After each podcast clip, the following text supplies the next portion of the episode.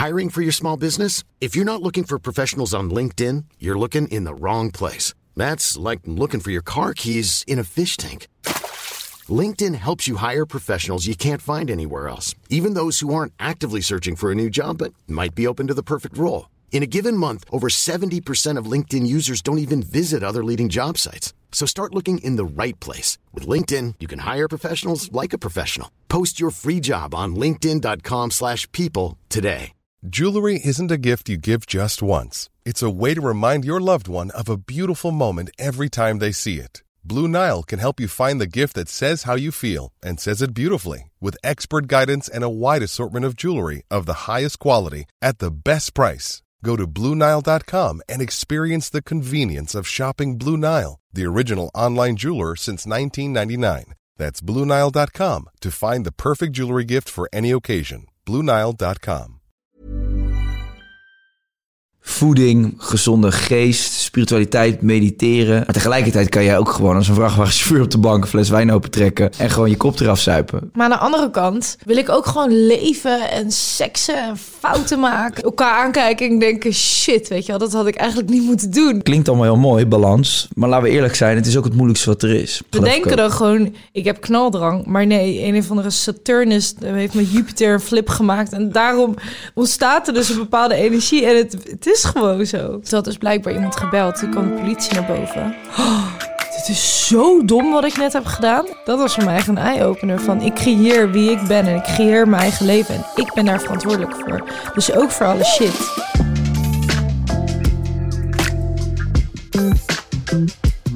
Een hele goede dag, beste podcastluisteraars. Ik heb me toch weer iets leuks voor jullie. Deze podcast wordt namelijk mede mogelijk gemaakt door HelloFresh. Niets lekkerder dan op winterse dagen thuis genieten van een hartverwarmende maaltijd. Kies je favoriete en verantwoorde recepten en verwen iedereen aan tafel met jouw kookkunsten. Ik mag jullie een kortingscode geven van in totaal 45 euro op je eerste drie boxen met code HELLOKAI. Eet smakelijk! Welkom bij Even. De podcast met deze keer de knapste vrouw van Nederland. Misschien wel de wereld. Jessie Yes. Ja, eh, ik zit hier tegenover mijn vriendin. eh, dit is geen onbekende van mij. En eh, ja, er waren heel veel mensen die hadden gezegd van... het lijkt me heel erg leuk als Jessie Jess een keer aanschuift in de podcast. En ik vond het in het begin een beetje gek. Want ik denk, ja, dan gaan die kijkers zitten kijken naar een stelletje... wat heel klef met elkaar gaat zitten ouwehoeren. Plus dat ik het ook wel ja, raar vind, want ik weet eigenlijk alles al over je. Hoop ik en denk ik. dus dat is best gek. Een heel ander leven. Ja, misschien dat jij allemaal nieuwe dingen gaat vertellen. Maar ja, ik kreeg die vraag zo vaak dat ik het ook wel gewoon wel geinig vond. Ik denk, waarom ook niet? Dus eh Jessie, wat leuk dat je er bent. Nou, bedankt voor de uitnodiging. Ja, vond, vond jij dat niet gek dan om bij mij in de podcast te komen? Ehm, nee, ik voel me eigenlijk gewoon vereerd dat ik hier mag zijn. In de grote even stoel waar al relativeren. deze mensen een hele verhaal hebben gedeeld... dat ik hier nu ook mag zitten. Potverdrie, je weet wel echt gewoon wie daar allemaal gezeten hebben in dat kuipje daar, hè? Dat heb je, ik voel het. Ik voel het ook helemaal in de energie. Je ruikt het ook waarschijnlijk. Heel die stoel zit nog vol met vlekken. Wie- Wat vind je de leukste podcast dan? Ehm Als nou, ik moet wel heel even eerlijk bekennen... dat ik ze niet allemaal heb geluisterd. Ehm, maar... ehm welke hadden we toen in de auto geluisterd? Nou goed, ik heb er, dat, dat weet ik niet. Ik kan Dit niet is echt niet, geen goed begin, hè, schat? Ja, serieus, je moet gewoon een half uur nadenken. Ja, maar ik heb er ook zoveel geluisterd. Oh ja, oh ja, het is zo'n too Dat is altijd eigenlijk. het ding. We hebben dus altijd een soort van halve mot met elkaar. Omdat eh, dan niet elkaars dingen luisteren. Nee, joh, maar ik snap het. Ik zou bij zo'n podcast een uur duurt ook een uur. Dat is ook veel. En je Ja. bent druk. Dus ik vergeef het je. Maar, Maar- ik vind dat je het heel goed doet in ieder geval. Ah, nou, dat is lief. Dat is lief. Hey, ehm, Jess. Ik moest het, ik zit toch een beetje te denken aan, eh, eh, aan waar we het vandaag over gingen hebben. Of gaan hebben. Maar ik dacht dat het wel geinig is om... Ja, ik ken jou natuurlijk als ja, een persoon... ehm, waarvan ik denk, ja, dat de rest van de buitenwereld... die kent jou helemaal niet op die manier. Je krijgt heel snel een stempeltje, toch? Als je in Nederland bekend bent... en je doet dingen op Instagram... en je laat ook altijd wel een bepaald beeld van jezelf zien op Instagram... dan denken, altijd dat men- denken mensen altijd dat dat het enige is wat er is. Hoe denk jij dan dat mensen mij zien? Ehm, ik denk dat mensen... Ja, ja, dan krijg je de standaardtermen natuurlijk. Heel zweverig, spiritueel. Een beetje koekoek misschien ook wel. ik hoop het. Ja, nee, maar ik snap het wel. als, als je naar jouw stories kijkt en je hoort jou een beetje zo praten over van, je bent niet, ja, het is niet doorsnee. Nee. En ik vind dat superleuk en tof. En dat is ook echt wie je bent. Maar er zit natuurlijk ook nog wel veel meer achter. En ik denk wel dat je op, eh, op Instagram al heel snel een eh, eenzijdig beeld van jezelf schetst. Niet alleen jij, maar iedereen in Nederland. Het is lastig om Ja. dat helemaal te laten zien. Omdat dan betekent ook dat je dingen moet filmen of fotograferen waar je gewoon in het moment zit. Ja, klopt. Ja, en jij bent, dan, jij bent dan denk ik gewoon toch wel op je Instagram best wel bekend als iemand die, eh, ja, nogmaals bezig is met spiritualiteit. Ehm, veel dingen gelooft en ziet die andere mensen misschien nog niet geloven en zien.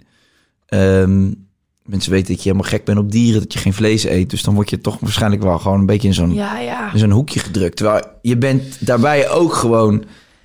Ja, je hebt een hele andere kant. Een hele eh, gekke, wilde kant ook. Ja, dus er zijn echt twee werelden. Jij balanceert zeg maar tussen... Dat vind je heel erg leuk. Dus Ja. gewoon bewust bezig zijn met de wereld. En gezonde voeding, gezonde geest, spiritualiteit, mediteren. eh, het beste uit jezelf halen. Maar tegelijkertijd kan jij ook gewoon als een vrachtwagenchauffeur op de bank... een fles wijn opentrekken. En gewoon je kop eraf zuipen. Ja. En dat, Heerlijk. Ja, maar- maar dat is, dat is iets wat veel mensen dan misschien helemaal niet van jou weten. Denk je Nee, dat? dat klopt. Ja, ik heb sowieso als eh, mensen sowieso tegen me zeggen van... ik dacht dat je meer een soort tutje zou zijn of zo. Ik denk, Ja. En soms ga ik door mijn eigen kanaal en denk ik... nou, ik snap dat ook wel dat mensen dat denken. Ik bedoel, het is allemaal een beetje liefde en bijtjes en vlindertjes. En, En wat zijn we allemaal mooi en lief, ja. ja, terwijl dat, ik ben eigenlijk veel groffer... als dat de meeste mensen van mij zullen denken. Hey, het was wel grappig, want toen ik voor het eerst met jou op date ging... toen, eh, toen zijn wij met z'n tweeën in, eh, bij de huiskamer in Amsterdam... zijn we een drankje gaan doen. En toen zijn we daarna die kroegentocht, die, die fameuze kroegentocht gaan doen. ja, En dat was echt fantastisch. En ik werd ook wel, eh, hè, als ik zei tegen mensen... van, ja, ik ben met Jess aan het daten... dat mensen best wel verbaasd waren. Zo van, huh, jij en Jess? Dat, is- dat is helemaal geen match, weet je. Hoe kan dat nou? En dat ik toen op die... Ik kende je ook nog niet zo heel goed. Dus ik dacht, nou ja, ik vind je gewoon leuk... en ik wil het wel gewoon gaan uitzoeken. En ik ben benieuwd waar het naartoe gaat. Maar dat ik wel die eerste keer ook wel gewoon eh, die kant je zag... dacht ik, zo vet. Je bent ook gewoon... Je kan gewoon het kroegen toch met jou doen. En eh, ik... ik- zuip je gewoon onder de ja, ik wou, net, ik wou net zeggen, waar zijn we niet, wel niet allemaal geweest? Ik overal bij wildvreemde mensen naar binnen gelopen. Bij een studentenhuis zijn we beland. We zijn nog naar de Casa Rosso gegaan. En dan een van een rare seksshow zitten kijken. Dat was allemaal op die eerste date. Ja, waanzinnig. Ja, dat vond ik heel grappig. Had ik ook misschien niet helemaal bij jou verwacht. Nee. Dus eh, dat, is wel, eh, dat is wel grappig. Maar ik denk ook, eh, en daar hebben wij het natuurlijk ook wel vaak over... dat, dat alles in dit leven draait om balans, toch? Ja, ik vind van wel. En dat is dus ook ja, hoe ik gewoon ben gaan kijken naar het leven. Dat ik dacht van ja, tuurlijk, alcohol is slecht voor je. En is een ritme gezond en word je daar gelukkig van. En nou, dat allemaal. Dus ja, ik hou van dat deel van mijn leven, want het geeft me een bepaalde controle. Maar aan de andere kant wil ik ook gewoon leven en seksen en fouten maken en elkaar aankijken en denken shit, weet je wel, dat had ik eigenlijk niet moeten doen. Dat is ook het leven. En ik vind het gewoon eenzijdig om alleen maar naar iets te leven, omdat ja, ik, ik weet niet. Ik geloof echt dat we gewoon ehm, naar aarde zijn gekomen en dat aarde ook de plek is waar dat allemaal mag gebeuren en waar je gewoon moet leven. Ja. En niet dat gecontroleerde van eh, ik eet alleen maar gember of ik drink alleen maar gemberthee en eh, sla en eh, ik heb een heel gestructureerd leven en ik ben alleen maar aan het mediteren. Dat is niet het leven in mijn Nee, hè? nee. Maar is het dan veel mensen dus die kiezen dan het een of het ander? Ja, Dus het is of, of, kijk, want helemaal alleen maar naar de kloot gaan, alleen maar feesten, daar wordt ook niemand gelukkig van. Nee, Stomp je af en dat is niet gezond en eh, ja, nee joh, uiteindelijk. dat, is, dat is ook niet het leven. Nee, dan zoek je ook iets wat, wat, ja, dan ben je ook op zoek naar geluk. En dat is niet de manier, denk ik, om geluk nee, te vinden. nee, nooit. Ehm, of, je, of je rent juist ergens van weg of zo. Je probeert jezelf te verdoven. Ehm, dus het is, je ziet vaak of, of het is helemaal dat. Ja, Of het, maar, maar ook, je hebt ook weer mensen, dat zijn gewoon yoga-junkies en eh meditatie-junkies, die daar weer aan vasthouden. En, en, en zo hard aan vasthouden dat ik ook denk van, dit is helemaal niet gezond. Want er is blijk- blijkbaar geen centimeter ruimte voor jou om... precies. Hè? Als jij de heet dat jezelf straft, bijvoorbeeld omdat je, weet ik veel, pizza hebt gegeten. en dat je jezelf daarvoor straft, dan is het dus ook heel ongezond. En ik geloof dat als jij dus, waar ik altijd bij mezelf gewoon op probeer te letten, van ik, ik ken mezelf heel goed. Ik ben hoogsensitief, nou ja, dat weet je ook als de beste. ik, ben gewoon snel, eh laat maar zeggen, kan ik er best wel af liggen. Dus ik moet dat gewoon wel over nadenken. Maar ik wil dat mijn leven ook spontaan blijft. Dus daar zoek ik telkens de balans in. En soms dan kan het zijn dat ik, dat ik gewoon net even te ver ga. Dat ik te hard heb gewerkt. En dan het weekend naar jou kom. En dat ik denk, oh, plezier. En dan lig ik er gewoon af. Ja. Ehm, dus zo leer je jezelf een beetje kennen. Maar ik weet wel dat als jij je schuldig gaat voelen over de dingen die je doet, dat dat heel erg ongezond is. Dus Ja, dat je als je, dan ook een feestje hebt en je bent brak, dat hebben wij het ook vaak over. We het dan gewoon ownen. Ja, maar jij hebt dat, vind, jij, vind jij wel soms vind jij dat ook lastig? Dan, Ja, maar dat komt dus als ik mijn balans heb verloren. Dus dan zit ik, dan ga ik mee eigenlijk in jouw energie waar jij behoefte aan hebt. Terwijl ik eigenlijk dan denk van ja, ik, ik had mezelf, het was liever geweest als ik nu even iets meer tandje terug had gedaan. Snap je? Dus dan verlies je jezelf. dus het ligt aan mij dan op zo'n moment. Nee. Maar dat, dat, is, dat is balans zoeken. Dat Nee, is ik zeg toch juist altijd tegen jou: van, je moet, als, je, als je een feestje hebt gehad, dan moet je de volgende dag niet, niet kraaien of Nee. mokken over het feit dat je dan brak bent. Want dan denk ik van ja, dan, dan is dat moment wat je gisteravond hebt gehad, dat, is dan, dat maak je dan minder mooi. Dat, dat verpest Ja. je dan eigenlijk door de volgende dag daarover te klagen. Dan denk ik van ja, oké, je weet het, weet je, je hebt ongezond gegeten, je hebt een paar drankjes te veel op. Je voelt je gewoon wat minder fit vandaag, maar own het dan. En ga dan gewoon lekker Ja. die dag genieten van het brak zijn. Ga op de bank liggen, pak een dekentje en that's it. Ja, Maar dat straffen, dat doen mensen wel veel, hè? Toch? met Dat je- alles denk ik gewoon wel. ja, ik heb drie dagen niet gesport. Ah, ik haat mezelf. Ik vind Ja, ja, mezelf... ja. Wat, wat- waar, waar zou dat nou vandaan komen? Het is een soort zelfkastijniging. Ja, ik denk dat sowieso, wat zeggen ze nou altijd? Dat wij als mens zijn sowieso de sterkste. We hebben de meeste kritiek op onszelf. Ja. Dat is eigenlijk ook wel raar. Dat als, eh, weet ik veel, een, je beste vriend dat ze doen, zou je echt zeggen: nee joh, doe normaal en doe eens lief en bla bla, bla. En tegen jezelf ben je gewoon kreng eigenlijk. Mhm. Ja, dat is niet goed. Maar goed, waar we het over hadden was dat. ehm ehm, waar wou ik nou naartoe? Ik weet niet, we hadden het over dit onderwerp. We Ja. gingen hartstikke goed. Oh, sorry. Nee, het ging over, het ging over balans. ja, Ja, dus dat, dat jij... Dat, dus we begonnen helemaal, helemaal daarvoor begonnen we bij het feit dat mensen dat eh van jou misschien helemaal niet verwachten. En eigenlijk alleen maar denken dat jij in die ene hoek zit, hè? Ja. Geitenwolle sokhoek met spiritualiteit. Waar sowieso, hè, daar gaan we straks wel even over. Spiritualiteit kruipt gelukkig in mijn optiek uit die geitenwolle eh, sokkenhoek. Eh, ik bedoel, je ziet nu, hè, dat is allemaal wel een onderdeel ervan, maar wat, Ja. wat mainstream wordt, een Wim Hof, et cetera. ja, Hè, die eigenlijk dezelfde dingen preach als eh, ja, iedere andere persoon die zich verdiept in spiritualiteit. Maar dat Ja. wordt nu opgepakt en wordt mainstream. Ik vind dat een hele goede ontwikkeling. Maar daar gaan we het zo nog wel even over hebben. Ehm, maar dat, dat mensen dat misschien helemaal niet van jou verwachten, dat was mijn punt. En ik in eerste instantie ook niet. En dat ik dat dus juist wel heel erg leuk vind. En jij zegt ook altijd heel mooi van, ja, we zijn ook naar aarde gekomen om eh, die verboden vruchten te, te plukken en te proeven. Ehm, we, we zijn hier ook om ja, die aardse belevenis te ervaren. En daar horen die dingen ook bij. ja. En het is bijna zonde als je jezelf dat ontneemt eh, door, door te zeggen van ik mag alleen nog maar sporten en ik moet alleen nog maar gezond. ja. Ehm, ja, hoe, hoe, hoe vind je die balans dan? Want dat is natuurlijk wel, eh, het klinkt allemaal heel mooi, balans. Maar laten we eerlijk zijn, het is ook het moeilijkste wat er is. Het moeilijkste wat er is. Hoe vind je die? Nou, ik denk dus ook accepteren dat je hem af en toe niet hebt. Ja, Want dat is dus ook weer de balans. Je hebt er geen controle over. Dus je, ik denk gewoon heel goed luisteren naar waar je behoefte aan hebt en daarvoor gaan staan. En dus ook bepaalde patronen herkennen in jezelf. Van, hey shit, nou doe ik weer dat? Bijvoorbeeld, eh, weet ik het... eh, als jij gaat eten, bijvoorbeeld om iets ehm, te verdoven in jezelf. En je hebt dat door vanuit, oh, nu ga ik weer dus, snak ik weer daarna, nadat ik een, eh, weet ik veel, een vervelend telefoontje heb gedaan, ga ik, heb ik weer zin om dat te eten. ja, Ik denk als je daarop gaat letten, van vanuit welke beweegredenen doe ik dit, daar dus veel bewuster mee om te gaan. En dan kan je dus ook kijken van, oké, dat komt niet uit een positieve energie. Ik geniet nu niet van die pizza. Ik stouw die pizza erin om gewoon mezelf te verdoven. Mhm. Dus daardoor bewuster van te worden. En dan gewoon te gaan, ja, veel meer te gaan flowen op het leven. In plaats van, denk ik, alles een soort van uit te kiemen al voor jezelf. ja. Ben jij, eh, ben jij impulsief? Ja. Ja, is heel raar. Ja, ik stel je dus een vraag, maar ik, dan ga ik automatisch een antwoord geven in mijn hoofd. maar ik ga toch nog een beetje proberen, zoals ik je nog een beetje leer kennen tijdens deze podcast. Eh, maar je bent wel positief, eh, impulsief, hè? Ja. V- vind je mij impulsief? Eh, ja. Ja. Ja. Maar jij bent wel iets... jij kan wel iets beter nadenken over dingen. ik kan wel... Nou, mijn moeder weet niet wat ze hoort. Die denkt, hè? Mijn zoon? Ja, Nee, ook wil. Jij wel iets meer als ik. Ik bedoel, ik kan wel echt gewoon dingen niet goed hebben geregeld, bijvoorbeeld, en dan gewoon gaan en denken, ja, wordt wel gefixt. Het lost zichzelf wel op. Ja, ja. Waar jij altijd wel het chill vindt om pas iets te doen als je denkt van, oh ja, dan hebben we dit doen we even zo en doen we dat even zo en dan vind ik het chill om te gaan. Terwijl ik kan gewoon de boel de boel laten ja. en ik ben weg. Ja, we houden denk ik allebei wel van risico's nemen, maar jij nog wel van iets meer.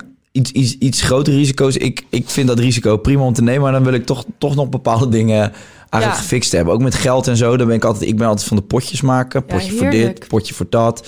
Daar betaal je de huur mee. Daar ga je vanuit eten. De- Ik vind dat lekker, dan heb ik overzicht. Terwijl eigenlijk ben ik super chaotisch. Verder in heel veel dingen. Ja, ja, ja, ja. Maar ik vind dat lekker, omdat ik dan, dan heb ik het gevoel dat ik, dat ik het eh, ja, in mijn eigen handen, dat het allemaal in mijn eigen handen ligt, weet je wel. En eh, jij hebt nog wel, jij kan nog wel gewoon meer denken van, ja, jeetje, pff, we zien het wel. En dan denk ik, ja, we zien het wel. Nee, we gaan dat nu even zien. Niet da- dadelijk pas zien. Nee, nu alvast even Ik zien. ben super blij ermee, hoor, schat. Nee, ik had het ook gewoon wel nodig, denk ik. Af en toe iemand die een beetje... Ja, ik weet niet. Ik heb ook gewoon heel veel dingen... Als ik terugkijk in mijn leven, ben ik ook wel echt weggerend. Ja, En heb ik ook gewoon echt de boel de boel gelaten... en gewoon een sprintje getrokken en gedacht... Doei, I'm out of here. ja. En ik denk niet dat het... Dat is dus weer een patroon van mij. Dat ik denk, ik vlucht gewoon liever. Ik denk dat... eh, Maar dat heb je Ja, ook, dat is ja. ook een beetje omdat je, jouw moeder is ook gewoon vanaf, vanaf jonge leeftijd natuurlijk gewoon... eh, is ze eigenlijk gewoon een beetje gaan reizen en, en eh, echt gewoon... ja, gewoon super zelfstandig geweest en ook van plek naar plek gegaan... en eigenlijk nooit echt een vaste basis gehad van waar, waar ze zich aan gehecht heeft... nee. qua wonen en leven. Wij als gezin ook niet. Mijn moeder en ik waren natuurlijk altijd met z'n tweetjes. En ik ben in mijn leven zo vaak verhuisd. En dat vind ik dus ook weer heel waardevol. Want daardoor weet ik wel van... ik kan overal een nieuw leven opbouwen. Ik, daar gaan weer nieuwe mensen op mijn pad komen. En ik kan dus... Ik ben er minder bang voor, denk ik... dat als je altijd in hetzelfde dorp hebt gewoond... of dezelfde omgeving... is het moeilijker om dat los te laten. Omdat je niet weet hoe het is. En ik heb het wel vaker losgelaten. Dus dan... Ja. En weer opnieuw een mooi leven opgebouwd. Maar daar, door, doordat je zo bent opgevoed en eh, dat zo hebt meegekregen vanuit huis... dus vanuit, vanuit je moeder... is dat voor jou ook minder spannend. Ja, Jij, jij, jij zegt, kan ook gewoon zeggen van... dan gaan we morgen toch naar Canada. Dan gaan we daar toch morgen wonen. ja. Zo. Ja, dan, zie, dan zien we dat, maar dat komt dan toch wel weer goed daar. Ja, we vinden daar toch wel weer werk. Ja, maar Jess, maar er is maar één visrestaurant in, eh, in het dorp. Ja, dan gaan we daar toch werken. Ja, maar je bent allergisch voor vis. Ja, maar ja, eh, weet ik veel. Dan verzin ik daar wel. Zullen ze toch wel medicijn hebben? Ja, maar er zit geen apotheek. Ja, maar ja, dan bouwen we toch een apotheek. Ja, zie, je hebt gewoon, dat is hoe jij denkt. Terwijl ik dan, ik, ik zou dan eerder denken, ja, maar, hè, hè, maar We even... moeten dat even fixen. Ja, maar ik ben gewoon zo opgevoed. Mijn moeder is nog veel erger als dat ik ben. Ja, Ik, daarvan ben ik weer... De, jij, wat jij voor mij bent, ben ik weer voor mijn moeder. ja, Want die kan echt eh, drie stringetjes meenemen. En dan gewoon... Ja, ik ga nu... eh, die, die komen dan ook... Ze woont nu, dus nu op Ibiza. Ja. En daar zit ze helemaal op de plek. Maar dan kost me ook ineens bellen. En dan zegt ze... Ja, maar weet je wat ook leuk is? De Pyreneeën. Ik zeg, man, dan moet je in godsnaam op de Pyreneeën. Dan heeft ze gewoon ergens op Pinterest een leuk plaatje gezien. Ja, maar je- nou, die is gewoon in staat om te gaan dan. Ja, nou, die, die bestelt morgen een, een ezel en die, die rijdt naar Tibet. Ja, dat is echt zo Met een juttenzak. mooi. Ja, oh. Ja, dus maar dat is zo, zo is dat bij jou een beetje ontstaan. Maar waar ik, Ja. waar ik eigenlijk een beetje naartoe was van dat... eh, we zijn eigenlijk allebei best wel impulsief. Eh, we houden allebei wel van risico's. Jij iets meer dan ik. Maar we zijn in best wel veel dingen hetzelfde. Ja. Bij, zeg maar, als we het hebben over balans... dan zijn we ook allebei redelijk hetzelfde. Vinden dezelfde dingen moeilijk en dezelfde dingen makkelijk. En wat grappig is, we hebben het vaak over... is dat we best wel vaak aan dezelfde dingen behoefte hebben.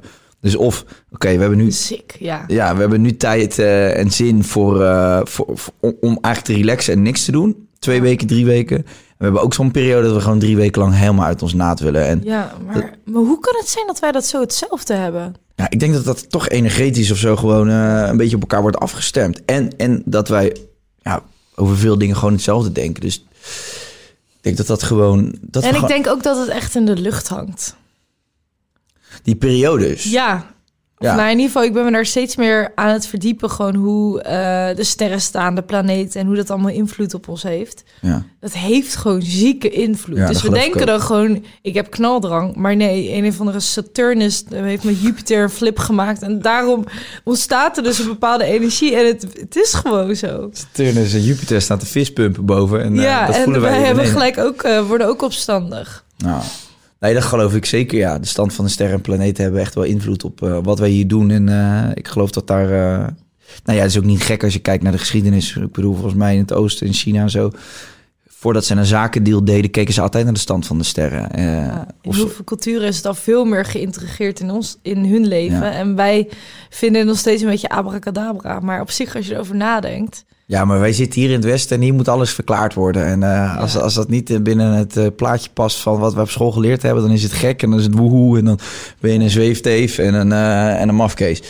Maar waar ik me dus wat ik me dus afvraag, omdat we dus best wel veel hetzelfde hebben, ehm, dan vraag ik me wel af, hoe, hoe, hoe zou het gaan dan als wij kinderen krijgen? Want kijk, normaal heb je, da, daar is balans dus ook weer belangrijk. Dus heb je, waar, waarin denk je dat wij het, grootst, het meest zouden verschillen als, je, als wij een kind zouden opvoeden? Want we best, ik vind dat wij best wel veel in veel dingen op elkaar lijken. Dus als we Ja. zouden zeggen, oh, ons kind is super eh, eh, positief, eh, heeft veel levensvreugde en heeft, eh, ehm, ja, weet ik veel, en is impulsief, ik zeg maar wat. Ja, dat zou dan over ons allebei kunnen gaan, bij wijze van. Ja, Dus, maar wat zou dan het grootste verschil zijn, denk jij? Het grootste verschil... Nou, jij bent een stuk drukker als dat ik ben. dus dat is wel het eerste waar ik aan denk. Dus het gaat puur om de ADHD. Nou ja, ik bedoel, ik was bijvoorbeeld als ik mezelf als kind, eh, hoe mijn moeder mij omschreef, was gewoon letterlijk wel zo'n meisje die geeft je een kleurplaat en die eh, was gewoon een beetje aan het dromen. En ja, en als ik hoor van jouw moeder hoe jij als kind was, Jezus jongens, dan wacht ik nog even. Nee, Smeet iedere dag uit een boomhut. ja, ja, ja, gewoon veel drukker. Ik bedoel, dat is ons grootste verschil eigenlijk. Ja, het is gewoon puur energie. Ja, gewoon qua. eh, ik ben best wel meer op mezelf, denk ik. En jij bent wel. Jij kan bijvoorbeeld heel veel mensen afspreken en doen en niet echt stilzitten. Terwijl ik weer gewoon hele dagen in mijn eentje kan kokonnen of zo. Dus daarin verschillen wij, denk ik, het meeste. Maar, dat, maar echt qua karaktereigenschappen dan? Want het is meer gewoon, ja... Oké, nou, karaktereigenschappen. I'm Sandra, and I'm just the professional your small business was looking for. But you didn't hire me because you didn't use LinkedIn jobs. LinkedIn has professionals you can't find anywhere else, including those who aren't actively looking for a new job but might be open to the perfect role, like me. In a given month, over 70% of LinkedIn users don't visit other leading job sites. So if you're not looking on LinkedIn, you'll miss out on great candidates like Sandra. Start hiring professionals like a professional. Post your free job on linkedin.com/people slash people today.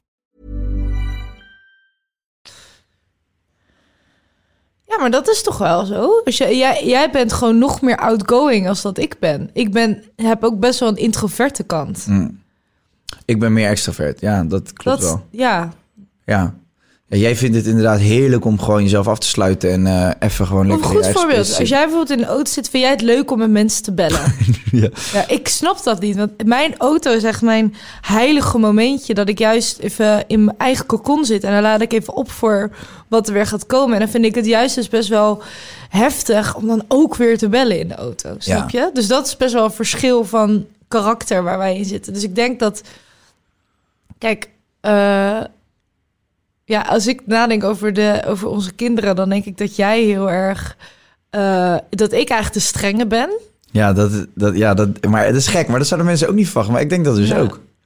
Waarom En denk jij, dat dan? kan- Waarom denk jij ja, dat dan? want zo ben ik gewoon met kinderen. Mijn moeder heeft mij ook weer. Kijk, je gaat toch weer naar eigen moeder kijken. Mijn moeder was ook gewoon. Nee, Jessie. Gewoon best wel. Gewoon echt een harde Rotterdammer. Het was geen.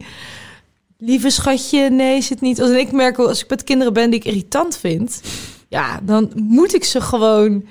Dan ga ik gewoon in die rol gelijk of zo. Omdat mijn moeder me denk ik gewoon zo heeft opgevoed. Ja. En ik vond het denk ik wel heel lekker, gewoon die duidelijkheid. Maar ik denk dat jij weer forever met ze kan spelen en rennen. En dat ik gewoon ergens in het huis een, een kamer heb met gewoon Geluidsdichte van die wanden. geluidsdichte wanden.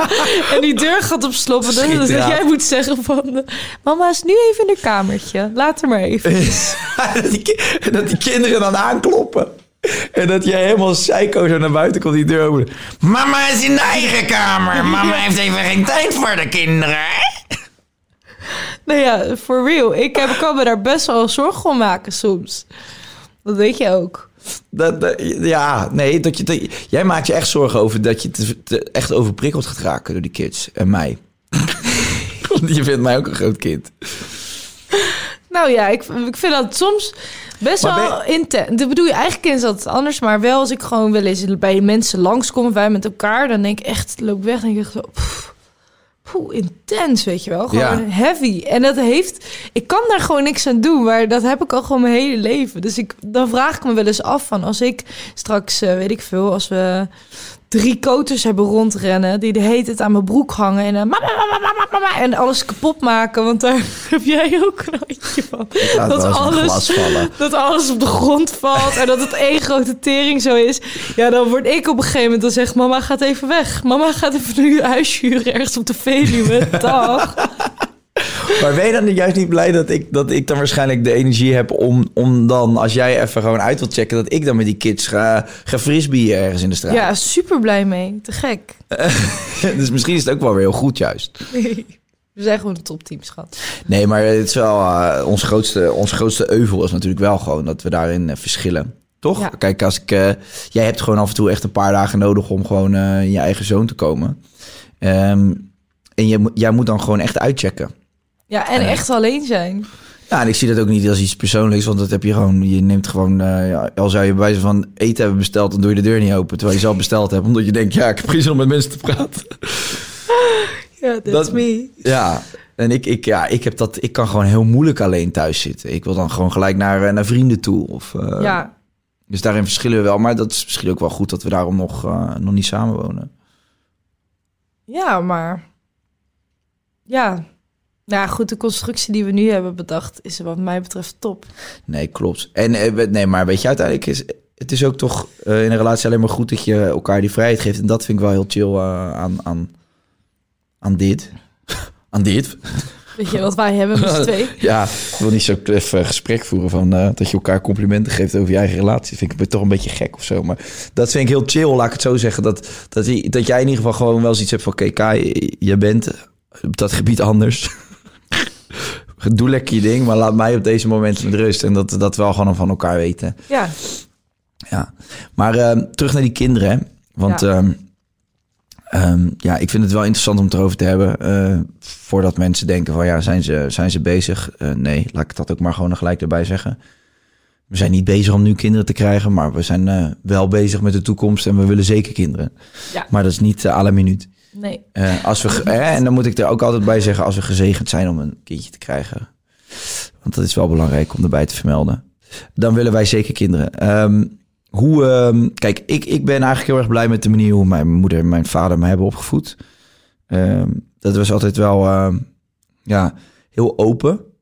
Ik kon altijd alles zeggen tegen mijn moeder. En eh, mijn vader ook. Maar mijn vader is natuurlijk overleden. Dus ik heb vooral met mijn moeder van doen gehad in mijn puberteit.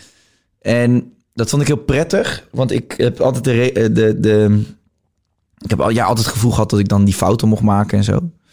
En dat ook mijn moeder altijd wel naar me luisterde. Ook al had ik wel echt gewoon dingen geflikt die, die dan niet konden. En ik heb dus het gevoel dat, dat dat wel goed werkt. Omdat je dan ook een beetje het gevoel krijgt als kind of als puber... dat je zelf een beetje mag ontdekken hoe die wereld nou zit. En waar liggen die grenzen nou? En ik zei dit laatst ook in een podcast met Monica, ging ook over opvoeding. Ik zal het er niet te lang over hebben. Maar eh, dat, dat ik ook vrienden had die dan thuis echt aan de, aan de ketting lagen, zeg maar. Heel streng.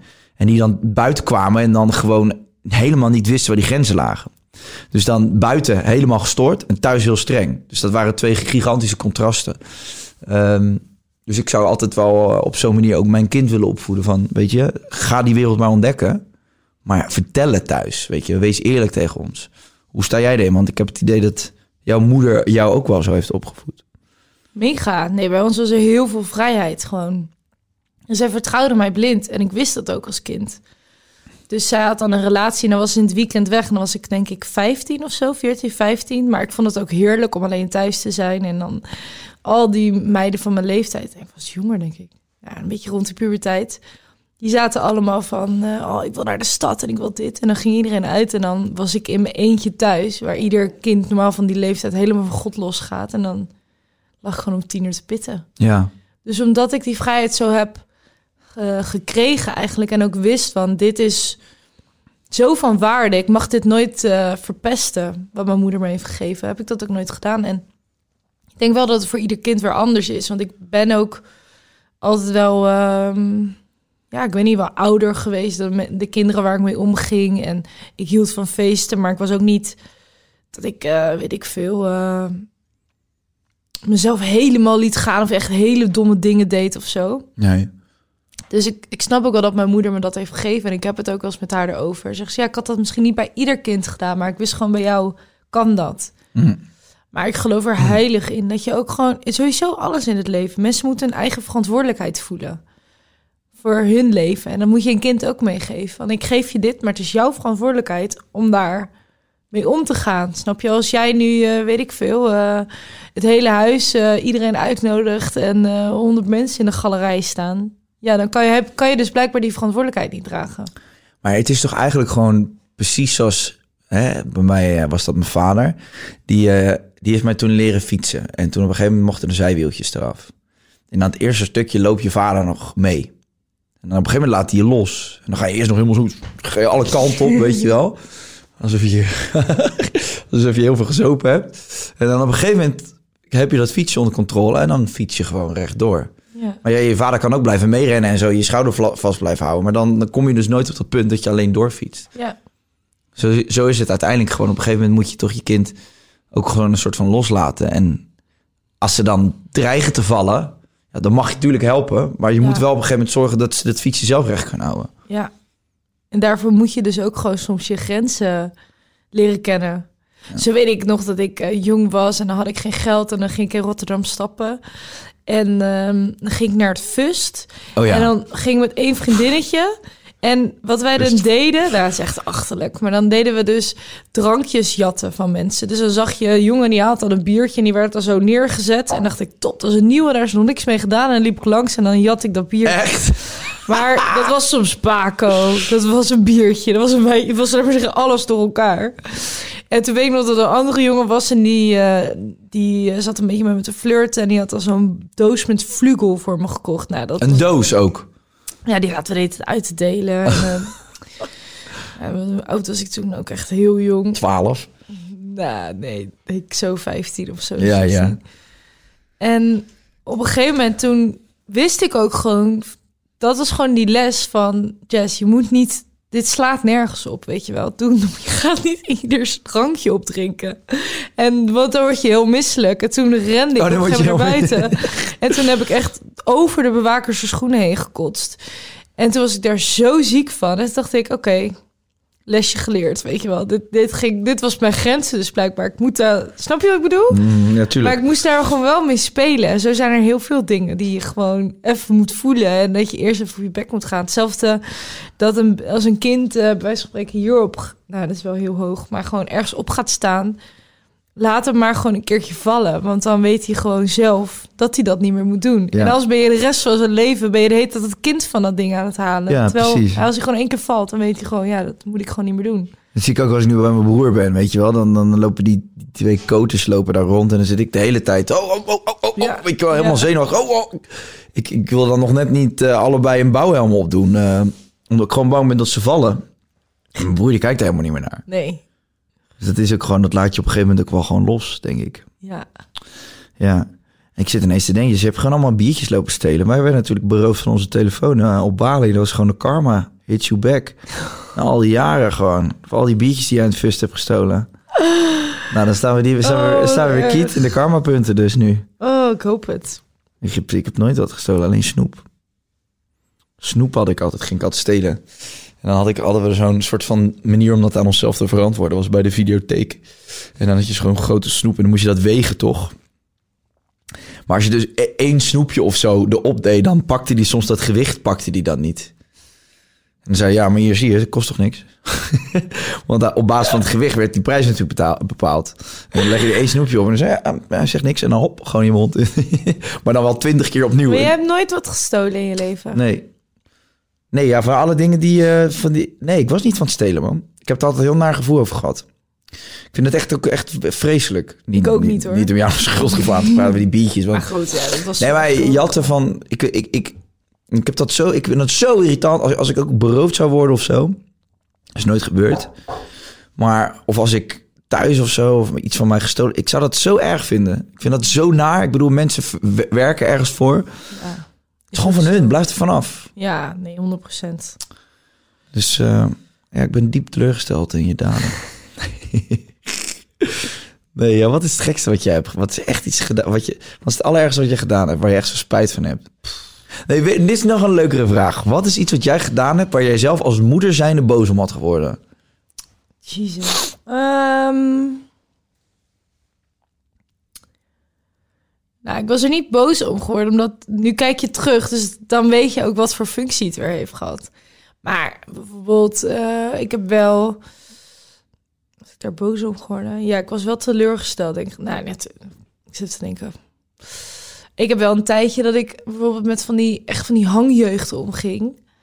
En dat waren wel echt van die jongens met van echt die honden erbij. Die waren de hele dag aan het blowen. Die waren een stuk ouder als dat ik was. En die, ja, wat deden we? Eh, ik was gewoon nieuwsgierig en ik dacht dat het vrienden waren. En er was zo'n heel raar vibeje wat dat groepje dan had. En Fuck the system, fuck ja, the ik was daar, ja, ik was daar gewoon een beetje in beland of zo. En ik was denk ik ook heel erg zoekende naar wie ik zelf was. En toen ben ik een tijdje met hen omgegaan. En eh, dan wist ik wel dat dan iemand naar een afkikkerniek ging. En dan hadden we in het bos afgesproken. En er werd daar een soort van hele ceremonie voor hem gemaakt. Iedereen janken. En de volgende dag stond hij weer op de stoep. En op een gegeven moment dacht ik met alles een beetje van... Ja, nu wordt het gewoon een beetje triest, weet je. Is dit nou echt hoe je je leven wil leiden? Dus op een gegeven moment ben ik daar zelf ook alweer uitgestapt. En ik denk dus dat al die dingetjes die je hebt gedaan... die zorgen ook weer gewoon dat je weer beter weet wat je wel of niet wilt. Mhm. Maar waar Dus zou je boos om worden als moeder?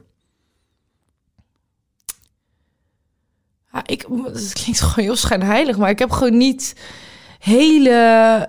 Ja, ik heb, ik heb een keer stenen van een, van een flatgebouw afgegooid in het water. Maar dat was ook zo onschuldig. water? Ja, toen hadden mijn moeder en ik waren net weer verhuisd.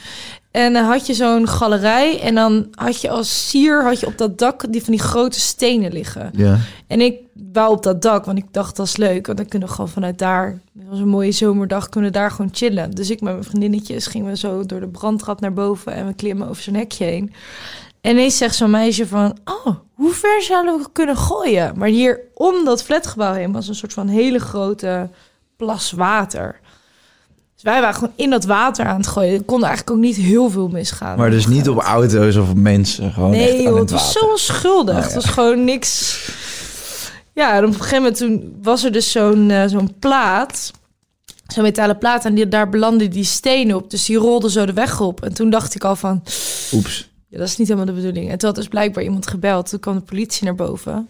En ik zag het. En het was alsof toen pas dat die link in mijn hersenen maakte van... "Oh, dit is zo dom wat ik net heb gedaan. En dus ik mama bellen. Mama, sorry, politie is hier. Ik heb iets heel stoms gedaan. En ik voelde me ook vet schuldig. Want wij kwamen uit een mega intense periode. Net een nieuw huis. En dan zat ik al de eerste dag politie voor de deur. Heel de buurt eh, boos op de nieuwe bewoners. Nee, joh, uiteindelijk was er helemaal niks aan de hand. Maar denk ik, ja, ik zou als moeder dan echt denken... Jesus, ik bedoel, hoe bedenk je het? Je gaat toch niet stenen van een gebouw afgooien? Maar ja, ik in mijn naïeve pubergedrag... had gewoon helemaal niet door dat dat iets gevaarlijks zou kunnen zijn... of dat soort dingen. Het is wel, het is wel echt, als dat het enige is, is dat nog wel echt braaf inderdaad. Maar ik geloof ook wel dat jij braaf was. Nee joh, ik was gewoon buiten met de paarden aan het spelen. En Ja. eh, dan deden we altijd... eh, had je Jan de Jager en die... eh, die was dus altijd die ene aan het afknallen. Of de vossen, als er veel vossen waren. Hij moest dat een soort van in balans houden. Maar ik vond die man doodeng. Dus ik deed altijd al die vallen kapot maken. Of dan hoorde, zo hoorde ik zijn auto aankomen. En dan ging ik zo klappen, zodat alle vogels gingen wegvliegen. Zo. Ah, Pakker kon ze maar dat moet je juist niet doen. Dat moet je juist niet doen, hè, toch? Nee, maar dan waren ze weg. Oh, dan waren ze al weg voordat Ja. ik nog... Dat is hetzelfde als mensen aan het vissen zijn en dat je dan een steen in het water gooit. Wat, dan nou, dan schieten die vissen toch weg? Oh, ja, ja, ja, dat was een beetje het idee, ja. Dus ik had gewoon meer van dat soort rebelse dingen. Maar nee, ik was gewoon niet een hele moeilijke puber of zo. Nee. Nee. Ja, ik heb wel van dat ik dan denk van... Ja, hoe... Sommige dingen... Die zijn dan wel echt gewoon goed afgelopen of zo bij mij. Dat ik wel denk van ja, weet je, ik... ik- hè, waar we het net over hadden van vrijheid en kinderen zelf de grenzen. Maar tegelijkertijd ook wel dat ik als ik terugkijk naar wat ik allemaal geflikt heb... dat ik ook wel Ja. denk van Jezus. Ja, als ik de vader zou zijn van, van mij... Nou ja, als ik, als wij, eh, een, ik zou maar zeggen, de ouders waren van jouw kleine Kai, laat ik het zo zeggen, of op die leeftijd dat jij puber was, dan had ik echt gezegd, en nu ga je hem gewoon halen. Dat, dat de, gewoon die, in die vechtpartijtjes waar je belandt was. Ik zou echt mijn hart vasthouden. Op een gegeven moment, en als je het door hebt. ja, maar mijn ouders wisten dat ook dan, dan niet- allemaal. Kijk, mijn, mijn, mijn ouders wisten natuurlijk wel van eh, dat ik met vrienden op pad ging en dat we feestjes hadden. En die, af en toe vertelde je wel eens wat. Maar ik, kijk, ik was open en eerlijk. Eh, en ik kon alles vertellen thuis. Maar je weet op een gegeven moment ook wel als je 16, 17 bent. Weet je wel, En je bent in, de- in de stad eh, winkelramen aan het ingooien voor de lol. Ja, dan ga je niet, kom je niet trots thuis en zeggen... hé, hey, maar ik heb vandaag was leuk, jongen, winkelramen staan ingooien. Dat denk ik niet. Maar zou jij het dan doorhebben nu? Bij je eigen Ja, ik denk het wel, omdat ik zelf natuurlijk ook die streek uithaalde. Dat denk ik dus ook. Ik denk dat ik gewoon... Ik weet precies wat er door, door, een, eh, door een lichaam van een... eh, ja, jongen in zijn puberteit giert, weet je wel. Waar, waar, waar je tegenaan loopt, testosteron. En ik zou heel scherp in de gaten houden met eh, wie, eh, wie, wie mijn kinderen omgaan. En niet en dat, wat had je dan gedaan? Als je Nee, maar dan, weet je, dan ben je in ieder geval bewust. Kijk, ik, ik, her- ik zou wel kunnen herkennen van waar dat naartoe gaat. Ja. Eh, maar in die, in die end, kijk, ik, ik heb ik, ging- mijn, mijn hele vriendengroep waarmee ik stapte bestond uit gewoon een groot gedeelte echt complete mafkezen. Ehm, en uiteindelijk is het ook niet zo dat ik daar helemaal in ben meegesleurd. Op een gegeven moment kwam ik ook op een leeftijd dat ik dacht van ja, weet je, dat knokken en feesten en drugsgebruik in de stad en eh, een beetje de kikkerboy uithangen, ja, dat, dat, schiet, dat levert me geen fuck op. Ja. En zo heb ik nog heel veel vrienden uit die tijd. Die ook op een gegeven moment rond hun 20ste, 21ste hebben gewoon gezegd van ja, weet je, dit, dit is wel een gesloten hoofdstuk. ja. Dus het is ook niet zo dat op het moment dat je dan met dat soort jongens eh, eh, en meiden omgaat in die leeftijd. Dat Yo, maar dat had ik toch ook. Ik bedoel, ik ben er ook uitgestapt. Ik bedoel, dat was gewoon zo'n tijd dat je dat wil ontdekken. En dat je dan op een gegeven moment dus ook wel ergens aanvoelt van... Oké, nu wordt het wel een beetje... Dat, dat, dat heb jij ook, toch? Dat je dan een beetje zo'n gevoel had van... Ja, nu, ik weet niet of dit nou helemaal mijn Nee, pad ja, was is, heel sterk, ja. Ja, dat had ik ook. Dat je gewoon echt gewoon voelt van nee, dit, dit past er niet bij. En, eh, dus dat, eh, ja, ook dat lost zichzelf dan wel weer op. Maar ik zou dat wel... Ik heb wel dingen gedaan waarvan ik denk, nou jeetje, dat is wel gewoon... ik ben wel blij dat dat goed is afgelopen. Ja. ja, dat heb ik ook wel echt gehad, ja. En dat was, zo, dat, hè, dat, was, dat was op latere leeftijd met vechtpartijen en zo. Maar Maar kan je daar ook een kind voor beschermen? Want ik heb daar met mijn moeder ook wel veel over gehad. Want die heeft ook wel mij bepaalde vrijheden, vrijheden gegeven... waarvan andere ouders echt zoiets hadden van... joh, ben jij wel helemaal lekker? En dat ik ook niet helemaal vertelde wat er aan de hand was. Bijvoorbeeld in mijn modellenwerk in Istanbul en al dat soort dingen. Nee, maar ik denk dat dat natuurlijk. Ik denk dat het ook wel goed is als je. Ik, ik vind wel dat je als kind. Denk ik ook wel dat het gezond is als je bepaalde dingen niet, niet aan je ouders wil vertellen, toch? Omdat het ook bij die leeftijd hoort dat je soms denkt van. ehm, ja, dit, dit, dit is gewoon even. Ik heb gewoon even iets doms gedaan. Of ik heb een beetje kattenkwaad uitgehaald. Dat. eh, Ja, en ik denk dus ook dat je gewoon eh, dingen moet meemaken in je leven. Dus als je als ouder de illusie hebt dat je je kind overal voor kan beschermen, dat zou en helemaal niet goed zijn. Want als ik nu kijk naar die dingen waarvan je dus denkt, zo, dat had ook finaal mis kunnen lopen. Maar ik weet ik veel, het is niet gebeurd. Of ik had mijn bekkie bij me. Of eh, eh, ik heb daar weer wat uitgehaald. Die heb je ook nodig om ja, gewoon de persoon te worden die je nu bent. ja. Ik geloof daar sowieso heilig in. Dat alle, alle dingen die in je leven gebeuren, ook de hele nare, er met een functie zijn. En als je dat allemaal voor je kind wil ontnemen, wat, wie, wat voor kind bloeit daar dan uit? Nee, dat, dat moet je niet willen. Toch? Dan Dus ben je ook gewoon maar een soort van dat het leven maar aankomt vliegen en dat alles goed is en veilig. En wat, je, je bouwt juist die kracht en die, die wijsheid en dat levensvreugde en dat bouw je op door shit. Dus ja, dat hoort Ja. er ook gewoon bij. Ja, en volgens mij hebben we het in deze podcast ook al vaker over gehad. Maar sowieso met Bo had ik het erover, over zijn kinderen ook. Het maakt niet uit welk pad je bewandelt, dat je altijd bij de plek uitkomt waar je moet zijn. Ja, d- daar geloof ik echt heilig in, dat alles wat je meemaakt geeft, heeft een functie. ja zeker. Ehm, hè? En dat is misschien moeilijk, dat is misschien moeilijk te, te vertalen naar alle situaties. Omdat sommige mensen, hè, het loopt ook niet altijd goed af met iemand. Maar ik geloof wel dat, dat ondanks dat alles, je, alles wat je meemaakt wel een bepaalde functie gaat hebben voor het verdere verloop van je leven. En zeker in die, die jaren van je puberteit. Het is gewoon belangrijk wat daar gebeurt. En wat kun je dan als ouder doen om dat te sturen? Gewoon zorgen dat je je kind het gevoel geeft dat je, dat je, dat je er voor ze bent en dat, je, dat ze alles kunnen vertellen. Maar wel ook dat je ze corrigeert op het moment dat, dat, dat ze dreigen van dat fietsje af te vallen. Ja, Maar dat je ze in ieder geval de ruimte geeft om het zelf te proberen. Doen we er gewoon een strik omheen om deze. Eh shout-out naar eh, Monique en shout-out naar Corine. Onze moeders. We love you. You did a good job. Respect. Respect to the core and to the mo. Cormo. Mo core. Monique en Corrie. Yeah. Toch? zeker. Hey, ehm, kijk, ik vind het toch wel even leuk om dat, eh, om dat nog even met je te bespreken. Ehm, wat ik heel erg leuk vind aan jou is dat, eh, dat, dat jij mij wel echt eh, veel meer ja, die spiritualiteit hebt ingetrokken. En niet, niet geforceerd in hebt getrokken.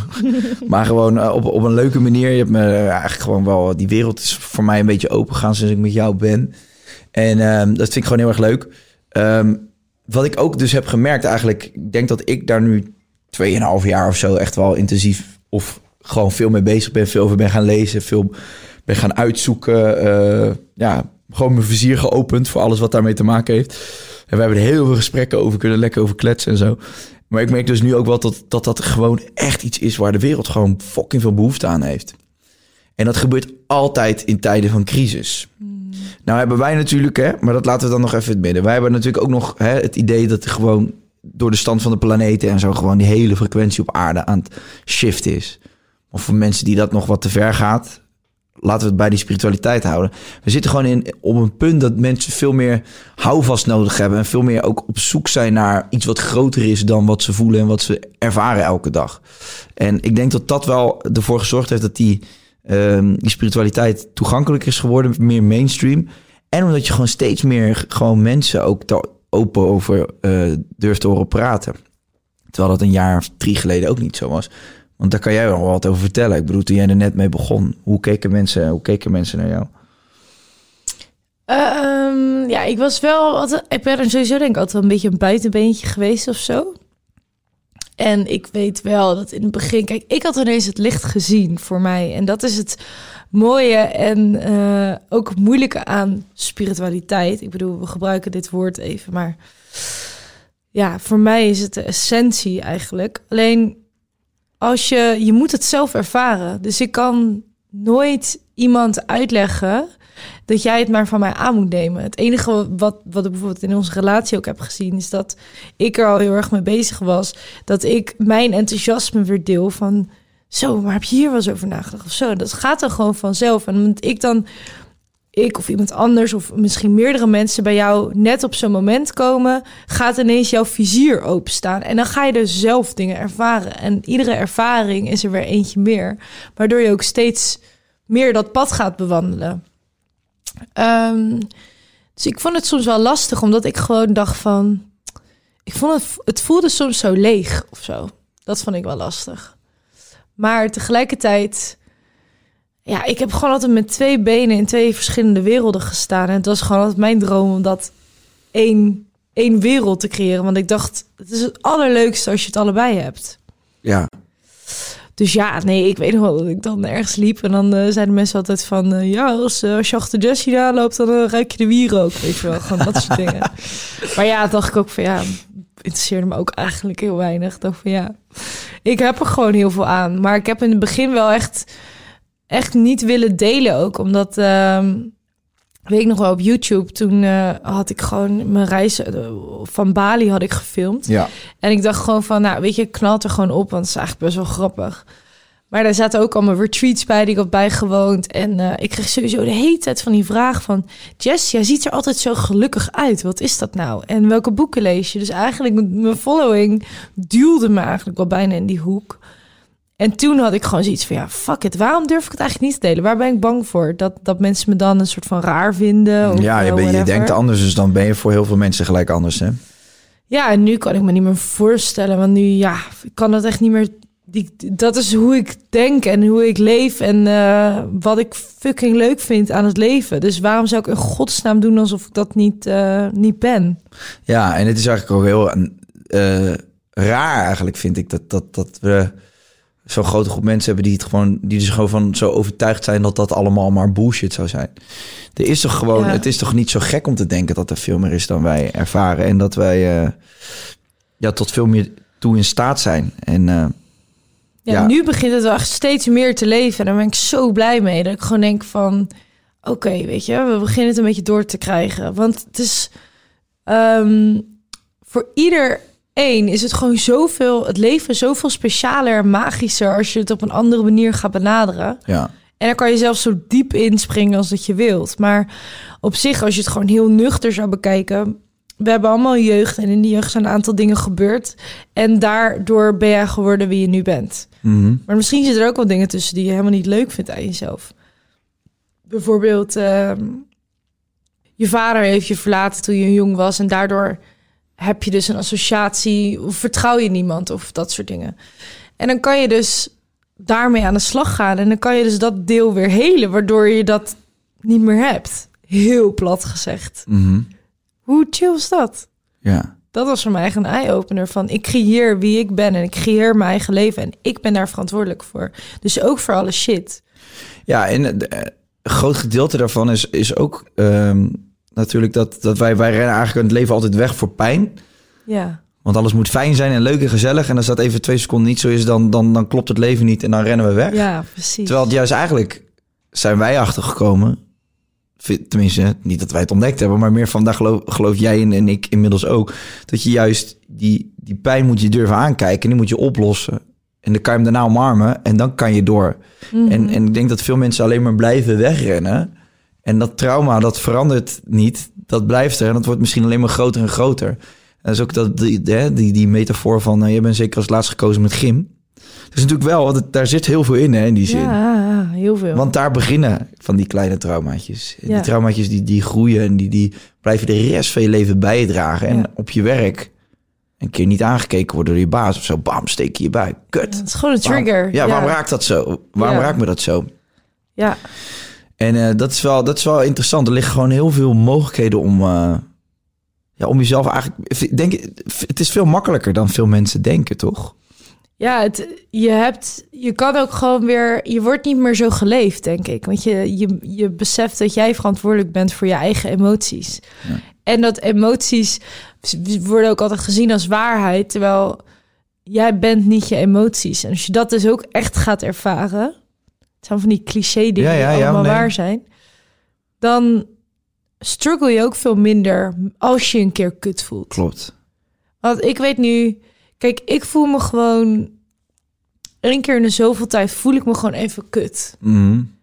En ik weet gewoon nu dat dat is omdat ik dan altijd weer iets aan het verwerken ben in die periode. En ik kom er altijd weer een soort van traptree hoger Ja. als ik dat accepteer. Mhm. Dus als je zo met dingen omgaat en je gaat gewoon zien van... Oké, ehm zo heb ik een keer een podcast geluisterd... en die man die zei van... Wat nou als je gewoon je emoties gaat eh, zien als een soort adelaar die erboven vliegt... en dat je zegt, Jessie ervaart nu verdriet. Dat is het eigenlijk. Ja, ja. Niet ik als persoon, maar Jessie ervaart nu verdriet. En dan is het zo van, oh, nou dat is helemaal oké. Dan voelt ze dat gewoon even. Maar als jij helemaal zelf denkt dat jij het verdriet bent, dan wordt het echt zwaar. Terwijl eigenlijk dat mooiste voorbeeld wat wij ook samen hebben meegemaakt was toen tijdens een retreat op Bali. En toen ehm, gingen we die ademhalingstechniek doen. Ja. En op een gegeven moment begin jij te lachen. En ik begin te lachen. Nou, dit filmpje moeten we e- echt nog een keer delen. Het is zo'n Echt, filmpje. hè? Ja, ja, en we gaan helemaal stuk. En ik had het al een paar keer eerder gedaan. Ik heb het ook echt gewoon gehuild, geschreeuwd, bijna gekots van ellende. Gewoon van alle emoties die ik toen ervaarde. En dus heel erg hard gelachen. En toen vroegen we ook van, hè, maar hoe werkt dat dan? En toen zei Nick ook van, het boeit eigenlijk niet of jij heel hard huilt of heel hard lacht. Het is gewoon een emotie wat eruit moet. Ja, het is een ontlading. En dan is een emotie, wat is dan, waarom hechten we dan zoveel waarde aan een goede emotie? En verafschuwen we als we ons wat minder voelen? Ja, omdat we dus geleerd hebben, of ons aangepraat hebben, of noem het maar. We, we moeten ons gewoon altijd goed voelen. Ja, Ik had ook een keer. eh, was, was een roek die had, een, eh, die, had een, een, die had heel erg last van zijn onderrug. ja, Maar echt niet normaal. En hij wist niet waar het vandaan kwam. Toen was hij bij een Thijs massage geweest. En die vrouw die deed me echt heel erg veel pijn. ja. Maar gewoon echt dat hij zei, dat was gewoon, ik, ik, ik was gewoon niet meer te doen. Nee. Maar zij bleef doorgaan. En toen vroeg hij ook van, ja, waarom doe je dit? Want dit is toch niet meer gezond? Toen zei ze, ja, maar hier in het Westen, jullie willen allemaal altijd het pijn. Je wil altijd gewoon direct een oplossing hebben voor het probleem. Ja, Maar je moet dus door die pijn heen om erachter te Ja. komen wat er nou achter zit, weet je Ja. wel? En je zijn niet meer gewend om pijn te lijden. Je zijn niet meer gewend om af en toe je rot te voelen. Of, terwijl er zit een oorzaak. Dat is een signaal van je lichaam. ja. En dat is voelt... hetzelfde met verdriet. Precies. Bijvoorbeeld een emotie, verdriet, is ook gewoon iets wat je wil vertellen van... eh, voel. Je Het een, eigenlijk het is zo simpel dat het enige wat het wil is gewoon gevoeld worden. Ja, Dus dat dat, wil ik ook wel eens. Sorry. Even gevoeld worden. Die emotie, of die pijn. ja. Ja, Dus als je, dat is eigenlijk het enige wat je hoeft te doen. klopt. Dus als je gewoon het omarmt van... Oké, ik voel gewoon even dit. Dan ben je daarna ook weer vrolijk. Want dat is het enige wat het wil. Ja, Snap je? zeker. Maar dit zijn dus ook weer van die dingen dat... Dat, dat je moet het zelf wel aangaan. Ja, wil, je het, wil je echt zien hoe, hoe, wat eruit kan komen. En je kan het niet lezen in een boek en dan eh denk oh, nu weet ik het. Maar je, moet- dus dat is het hele ding. Je moet het ook echt gaan toepassen. Wil je echt die groei gaan maken. Nee, klopt. En het is super interessant en leuk. En eh, ik, ehm, ja, kijk, weet je, spiritualiteit is echt zo'n grote paraplu. Wat je, je kan er alles onder hangen. Dus spirit- ja. spiritualiteit is natuurlijk ook een breed begrip en valt zich niet eh, in een paar woorden te, ja, te omvatten. Maar ehm, wat ook, weet je, waar, waar ik dan, wat ik het heel interessant vind, ik heb het ook al vaker benoemd in de podcast, maar is ook gewoon die filosofie van Joe Dispenza. Komt hij eigenlijk ook wel neer in het verlengde van dat je dus gewoon met je gedachten jezelf kunt helen en door middel van meditatie in een stand van hoger bewustzijn kan komen, waarin je eigenlijk eh, een soort nieuwe realiteit kan creëren. Het gaat ver, maar dat zijn allemaal hele interessante dingen waar, eh, waar nu gewoon ineens heel veel over gesproken wordt. En eh, mensen kopen die boeken en het wordt op een gegeven moment natuurlijk ook wel een beetje weer commercieel. Maar goed, hè, ik vind het in ieder geval leuk dat, dat, dat er gewoon zoveel mensen mee bezig zijn. En eh, ik heb wel echt het gevoel dat dat nog een hele stroom gaat krijgen de komende jaren. Ehm, hoe, eh, hoe, hoe zie jij de toekomst? Hoe zie jij de toekomst in? Want zeg maar, zoals wij tot, tot zeg maar, nou ja, la- laten we zeggen dan nu en tien jaar geleden een beetje zo'n leven stonden. Dat gehaast, die rush, eh, de burn-outs vlogen je om de oren. Mensen werden ziek. eh, hè? Niet, niet dat mensen in de toekomst niet meer ziek zullen worden, maar gewoon een, toch wel een ongezonde maatschappij hebben we gecreëerd met z'n allen. Waarin wij moeten voldoen aan druk, et cetera. Denk, zie jij dat veranderen in de toekomst? Zie jij een andere wereld voor je? Eh, ja, Ja? 100%. En dat is dus ook weer... Dat heeft met zoveel verschillende factoren te maken waarom dat gebeurt. Maar waar ik heel erg in geloof, is dat we nu gewoon echt in een shift van bewustzijn zitten. Dus daarom Ja. ehm, is iedereen ook gewoon zoveel meer bezig ineens met, met eh, weet je wel, mindfulness, ehm, dat soort boeken willen lezen. eh, dat heeft ook gewoon te maken met dat de energie op aarde aan het veranderen is en dat wij als mensen daar automatisch op aanpassen. En we hebben het alleen niet door, maar we zijn gewoon, we zitten in een evolutie. Ja. En ehm, wat ik denk dat dus dan gaat gebeuren is, hoe bewuster jij wordt, dan ga je andere keuzes maken. Dus dan ga je ook niet meer je helemaal uit je naad rennen voor je baas die niet goed met je omgaat. Want dan heb je bijvoorbeeld meer die eigenwaarde automatisch gecreëerd, waardoor je denkt van ja, dag, dat, dat doe ik niet meer. Precies. Ik denk dat er daardoor heel veel meer mensen voor zichzelf gaan staan. Dus die verantwoordelijkheid gaan nemen voor hun eigen leven. In plaats van uit angst iets doen omdat ze denken dat het hoort. Dat, hoort, dat kan niet meer bij dat bewustzijn. En, en dan ook automatisch andere waardes hechten aan dingen waar ze nu waarde aan hechten. Precies. Die worden minder belangrijk en andere dingen worden juist belangrijker. Kijk, als jij echt gaat geloven in jezelf. Als je echt zoiets hebt van, oké, ik kan dit zelf. eh, ik, ik beslis zelf wat ik wil. Ik heb de verantwoordelijkheid. Moet ik daar soms dapper voor zijn? Risico's nemen, al die dingen. Ehm, maar dan ga je niet iets doen waar je helemaal niet blij van wordt. Want dan, dat kan je dan niet meer. nee. Dus ik denk dat we nu wel echt zoveel meer mensen nu gaan kiezen van... oké, wat wil ik in het leven? Waar wil ik wonen? Waar wil ik zijn? Met wie wil ik omgaan? Hoe ziet mijn baan eruit? Ik denk dat er ook heel veel mensen gaan zijn die zich dichter bij hun purpose voelen. Want ik geloof dat we die allemaal hebben. En dan ga je dat je dan moet je daar wel naar luisteren. Die kan je niet negeren. Ja, dat zie je dus ook het afgelopen jaar natuurlijk heel veel gebeuren met corona. Dat mensen sowieso eigenlijk van die zesde versnelling naar de tweede zijn gegaan. Ja, Toen ineens toch wel een vergrootglas op hun leventje hebben kunnen kijken. En ik denk dat toen ook langzaam van die bloembolletjes uit de grond kwamen. van, hey, mega. Die kan ik ook gewoon echt zo op mezelf betrekken. Ik heb dat ook echt gehad af eh, Ja. 2020. Gewoon dat ik echt dacht van, jeetje, wat heb ik eigenlijk, waarom deed ik dat eigenlijk? Gewoon dat je zo geleefd wordt en dat je dan maar gewoon rent. En dat toen ineens al de stilstond, dat ik ineens de ruimte had om te voelen van, zo, maar wat wil Jessie eigenlijk? Wat, waar word ik nou echt gelukkig van? Ja, en wat, wat heel tof is, is dat je 2020 hebt gebruikt om je bedrijf uit de grond te stampen. Ja, En we kunnen ook wel zeggen dat zonder... eh, ja, zonder wij, zijn heel, wij zijn heel kritisch mensen die ons volgen. Die weten hoe wij in de wedstrijd zitten met betrekking tot eh, dit hele verhaal. ja. Ehm, ja, we hebben ons heel erg gefrustreerd aan maatregelen. Heel erg gefrustreerd aan media, politiek, alles eromheen.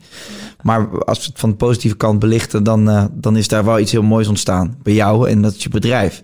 En die tijd en die ruimte had je niet gehad zonder, zonder deze dan was het er nooit geweest. Maar vertel even, Chifloor.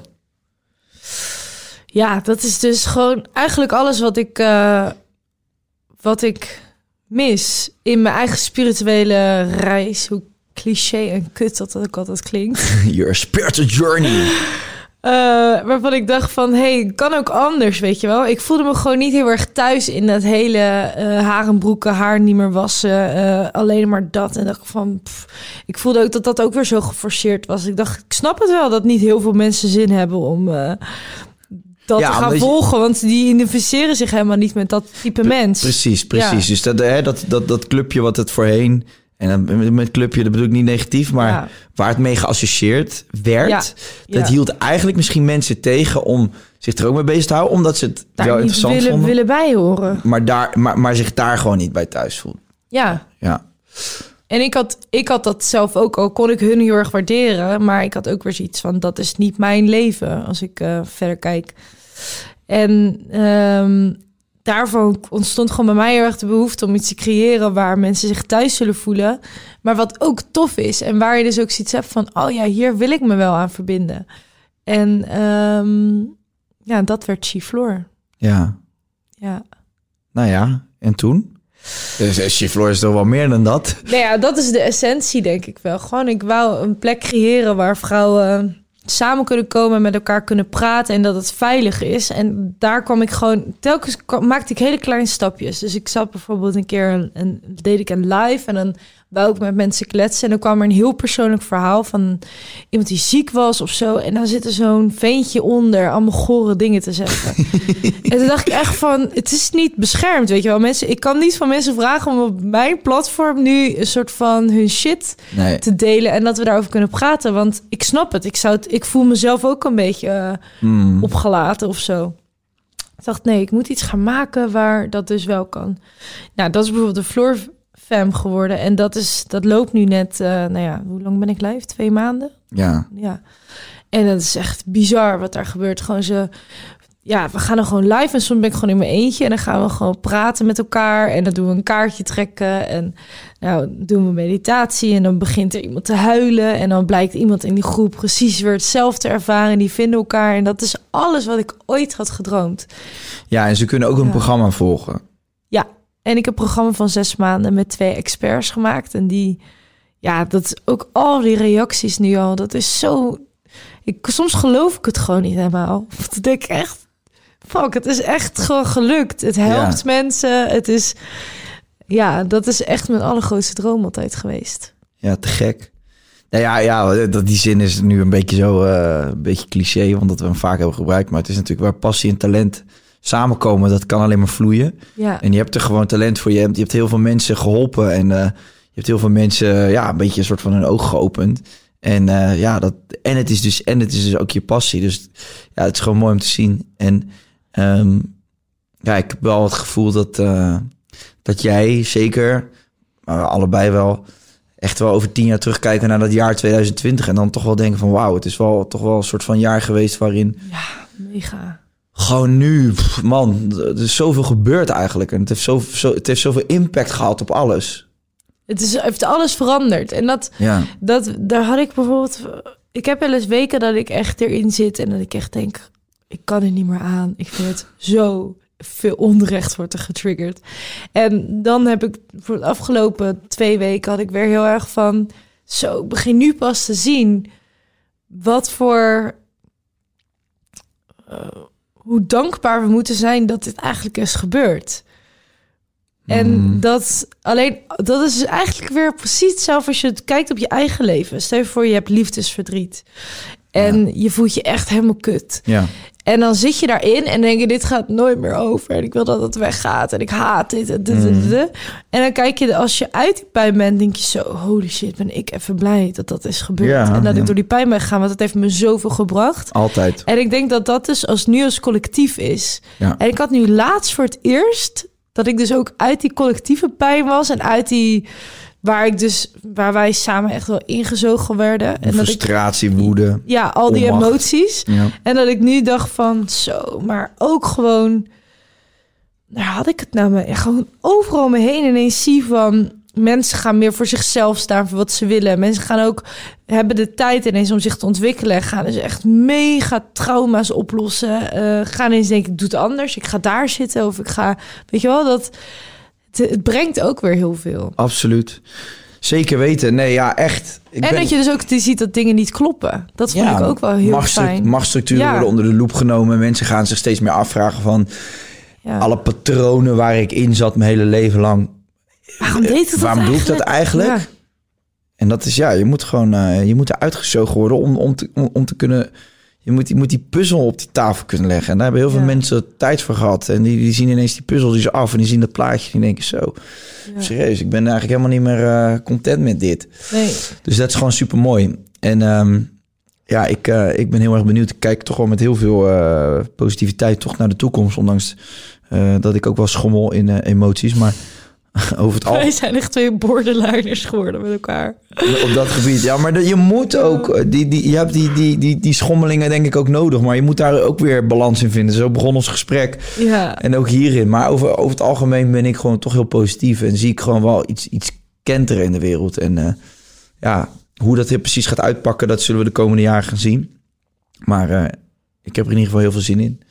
En ik ga jou toch bedanken voor je komst en mijn, mijn liefde. Is het alweer klaar? Ja. Vind je het te kort? Ik vind het wel rap gegaan, ja. Ja, we zitten op een uur en vijf minuten. En eh, we hebben nog een volgende gast eh, die elk moment kan binnenkomen. Nou, ik vond het heel fijn om Ja. zo lekker met je te kletsen. Ja, maar ja, kom, weet je, dat zeg ik tegenwoordig tegen iedereen. Kom, kom gewoon, godverdikke me nog gewoon nog gezellig nog een keer terug. Ja, ja toch? Nee, zeker. Nul maar uit. Dan eh, praten we. Hebben nog heel veel dingen. We hebben nog aliens en wat is tijd. En Zo, maar echt, hè, ja. daar kunnen we uren in verdwalen. Ik vind, ben ook wel eens benieuwd, want eh, ik krijg best wel veel mensen die dat wel leuk vinden, die onderwerpen spiritualiteit en zo. Maar ik heb ook wel eens dat iemand dat weer te zweverig eh, vindt. En dan, dus ik ben wel eigenlijk wel, ook wel benieuwd wat de, wat de overall eh, feeling is van mijn kijkers eigenlijk. Wat, wat de pers, ik hou van polletjes. Ik ben tegenwoordig groot fan van polletjes. Eh, dus hè, ik, wat, we moeten het over het heelal gaan en, en over, over ja, het begrip tijd. Wat is tijd eigenlijk? Al dat soort lijpe dingen waar ja, wij, Jess en ik, die zitten gewoon nachtenlang kunnen we hierover filosoferen. En over de wet van de aantrekkingskracht en noem het allemaal maar op. Ja. Ehm, maar ja, aan de andere kant is het ook wel leuk om gewoon iedere podcast toch weer een soort andere vibe te hebben. En iedere keer weer een ander nieuw verhaal. Het ligt ook aan je gast, het ligt aan degene die tegenover je zit. We kunnen wel een rubriekje maken. rubriekje. Dat wij, gewoon dat, bijkletsen met soort, Jess en Kai. dat wij dat soort dingetjes gewoon gaan bespreken. Nou, dat is wel van die filosofische onderwerpen. Nou, dat, eh, dan vragen we dat. Is dat polletje? Eh Jess en ik een rubriekje, ja of nee? Komt u maar door. Laat u het maar weten. Of misschien zeg je wel, heel donderstraal op met z'n tweeën. laat ons met rust op dat kut YouTube en op Spotify. Nee, laat het weten. En eh, lieve schat, bedankt. En ik zie je vanavond. Eh, jullie bedankt voor het kijken en luisteren. En ciao. En vergeet niet even te kijken in de beschrijving. www.cfloor.com Voornamelijk voor vrouwen, maar ook mannen zijn welkom om even een kijkje te nemen op het platform. Prachtige programma's, prachtige producten. Jazeker, we zijn hier een kleine sales pitch aan het doen, maar maakt allemaal geen reet uit. Hè? Toch? Kopen! Ja, we lullen er in ieder geval niet omheen. Maar eh, nee, nee, maar neem even, dat is gekkigheid. Ga even een kijkje nemen, het is hartstikke mooi geworden. En ook de Instagram pagina van Gifloor, ga die zeker volgen. Nou, En eh, je is was zo. wat voor je promopraat. Ciao, doei doei!